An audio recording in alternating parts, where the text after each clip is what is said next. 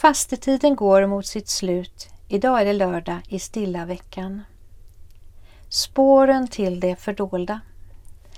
Ni lever ett osynligt liv tillsammans med Kristus hos Gud.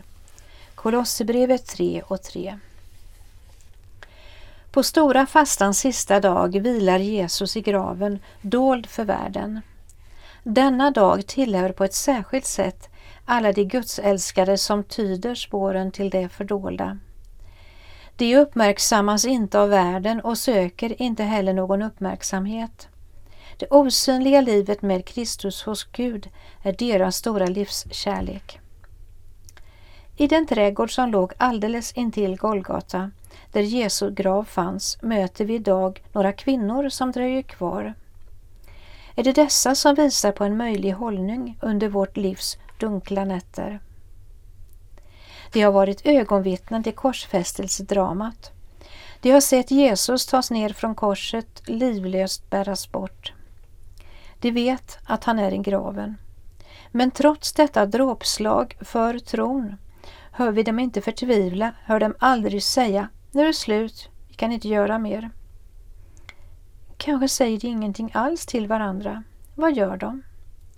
Kvinnorna förbereder kryddor och salvor. De fortsätter att visa Jesus sin vördnad fastän de vet att livet har övergett hans kropp.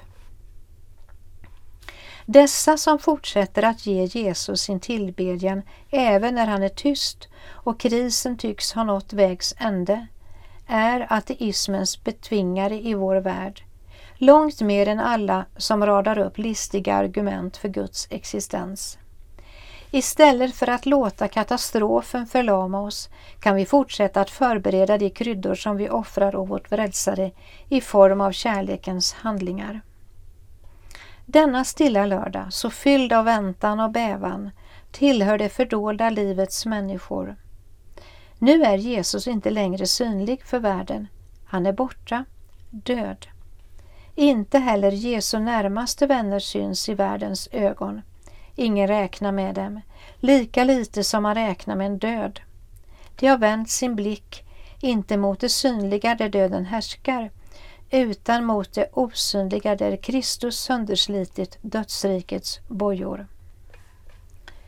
På fastans sista dag ber vi du vår herde, som vilar i graven dold för världen, lär oss älska vårt fördolda liv med dig hos Gud. Amen. Ha en välsignad dag.